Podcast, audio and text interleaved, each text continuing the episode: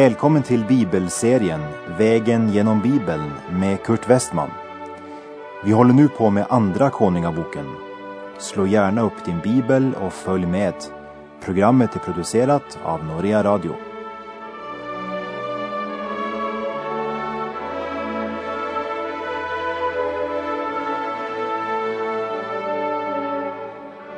Ja, vi avslutade förra programmet med att se hur prästerna i Juda under avfallets tid tog emot pengar som folket gav till Herrens hus, men använde tyvärr pengarna till andra ting. Och därför sa Joas, Juda kung, att från och med nu får prästerna inte ta emot några pengar utan prästen Jojada tog en kista och borrade ett hål i locket och ställde den bredvid altaret. På det sättet så sörjde man för att prästerna inte kunde sticka ner handen och komma åt pengarna. Det vill säga, man hade en kontroll över de pengar som samlades in. Och varje församling eller organisation bör ha en bok bokföring och en öppen redovisning av alla de medel som man samlar in så att vem som helst som önskar kan få insyn och kontrollera. Det är en god ordning och en absolut nödvändighet. Så det var en god ordning Joas införde i samarbete med Jojada. Joas hade bestämt sig för att sörja för att Herrens hus skulle repareras, underhållas och bevaras väl. Men när vi läser vidare från Andra Kungabok 12, vers 17 så ser vi att när Herrens folk har blivit förnyade och pakten mellan Gud och folket är förnyat och Herrens hus ska sättas i funktion igen då vaknar också fienden. När äntligen timmermännen och byggnadsarbetarna höll på att reparera och sätta templet i sitt rätta skick igen kan vi läsa att Hasael, kungen i Aram, belägrade Juda. Vi läser i Andra Kungabok kapitel 12, vers 17 och 18. Vid den tiden drog Hasael, kungen i Aram, upp och belägrade Gat och intog det. Därefter tågade Hasael upp mot Jerusalem. Då tog Joas, Judas kung, allt vad hans fäder Josafat, Joram och Ahasja, Judas kungar, hade helgat åt Herren och vad han själv hade helgat åt Herren och allt guld som fanns i skattkamrarna i Herrens hus och i kungshuset och sände det till Hasael, kungen i Aram. Och då lämnade denne Jerusalem i fred. När kung Joas äntligen tillsammans med prästen Jojada har funnit en ordning som hindrar att prästerna missbrukade de medel som folket gav till Herrens hus. Då finner Satan ett annat sätt att hindra templets renovering. Och Joas, han vänder sig inte till Gud i denna nöd. Han har ju så mycket på banken, så han ska nog klara sig. Istället för att lita lita på Gud. Tog Joas det som han egentligen hade helgat åt Herren. Och så sände han det till hedningen Hasael för att köpa sig fri. Tänk, han tog allt vad tre tidigare kungar i Juda hade helgat åt Herren. Och allt vad han själv hade helgat åt Herren och allt guld som fanns i skattkamrarna i Herrens hus och i kungshuset. Och så sände han det till Hasael, kungen i Aram. Joas var mycket ivrig när det gällde renoveringen av Herrens hus. Och när han såg att medlen som samlades in missbrukades, ja, då grep han genast in och fann en god ordning. Han var noga när det gällde kontrollen av pengarna som kom in. Men han borde ha varit lika noga med hur han använde pengarna. För personligen så tror jag att det sätt på vilket kyrkor och även enskilda kristna använder eller missbrukar sina pengar egentligen avslöjar ganska mycket om förhållandet till Gud. Joas var inte redo att strida för templet och Jerusalem. Istället så tog han det som var helgat till Herren och sände det till hedningen Hasael, kungen i Aram. Han var inte redo att kämpa för att behålla skatterna som var i Guds hus. Joas var entusiastisk när det gällde församlingslokalen men saknade tyvärr respekt för det som var helgat åt Herren. Och när fienden angrep, ja då såg Joas mera på de yttre omständigheterna än på Gud. Och han tog allt som var helgat Herren för att rädda sitt eget skinn. Och därmed så kan det inte undgås det tragiska vi nu läser i Andra Kungabok kapitel 12, vers 20.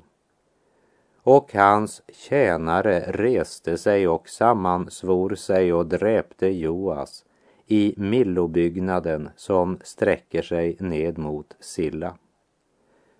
Därmed är kung Joas livsverk avslutat.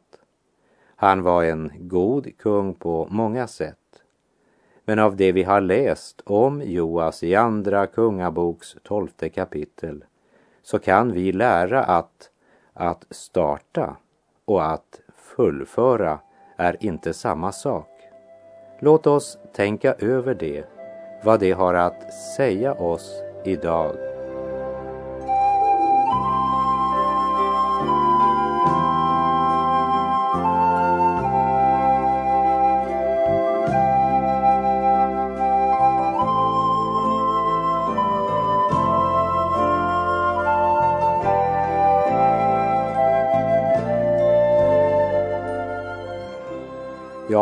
Därmed har vi kommit till Andra Kungabok kapitel 13. Ett tragiskt avsnitt i vår bibel, men som ändå har en hel del att säga oss idag.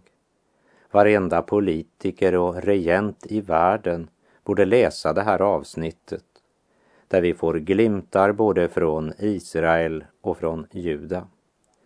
I nord är det de tio stammarna som bildar ett rike, i syd är det Juda och Benjamin som bildar ett rike.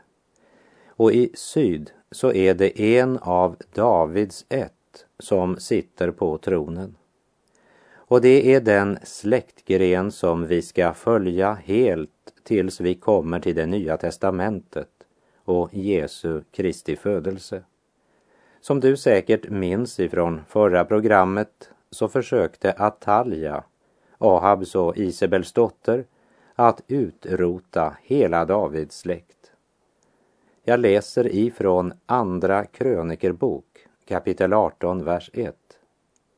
När Josafat nu hade kommit till stor rikedom och ära blev han genom giftermål släkt med Ahab.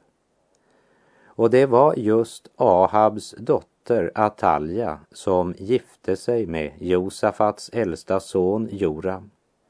Och det kan vara värt att lägga märke till att det första steget i det här händelseförloppet, det var Josafats växande rikedom. För både Isabel och hennes dotter Atalja hade mycket stor intresse av rikedom, ära och makt och genom att gifta sig med Josafats son Joram så kom Atalja alltså in i Davids släkt. Och här i kapitel 13 i Andra Kungabok får vi höra att ungefär mitt i Juda kung Joas regeringstid han regerade ju i 40 år, så kom Jehus son till makten i Nordriket Israel. Andra Kungabok kapitel 13, vers 1 och 2. I Joas, Ahasjas sons, Juda kungs 23 regeringsår blev Joahas, Jehus son, kung över Israel i Samaria och regerade i 17 år. Han gjorde vad ont var i Herrens ögon och följde efter det Jerobeams, Nebats sons synder, genom vilka denne hade kommit Israel att synda. Från dem avstod han inte. Joahas, Jehus son, är faktiskt den tionde generationen efter Jerobeam. Han som införde en gudstjänst som på många sätt var lik gudstjänsten i Juda, men med guldkalven i centrum. Och här ser vi att guldkalvens förförelse ännu vilar över Israels kungahus tio generationer senare. En gudstjänsteman talade om honom som förde dem ut ur Egypten. Det vill säga, man talade om Gud, men hade guldkalven som centrum.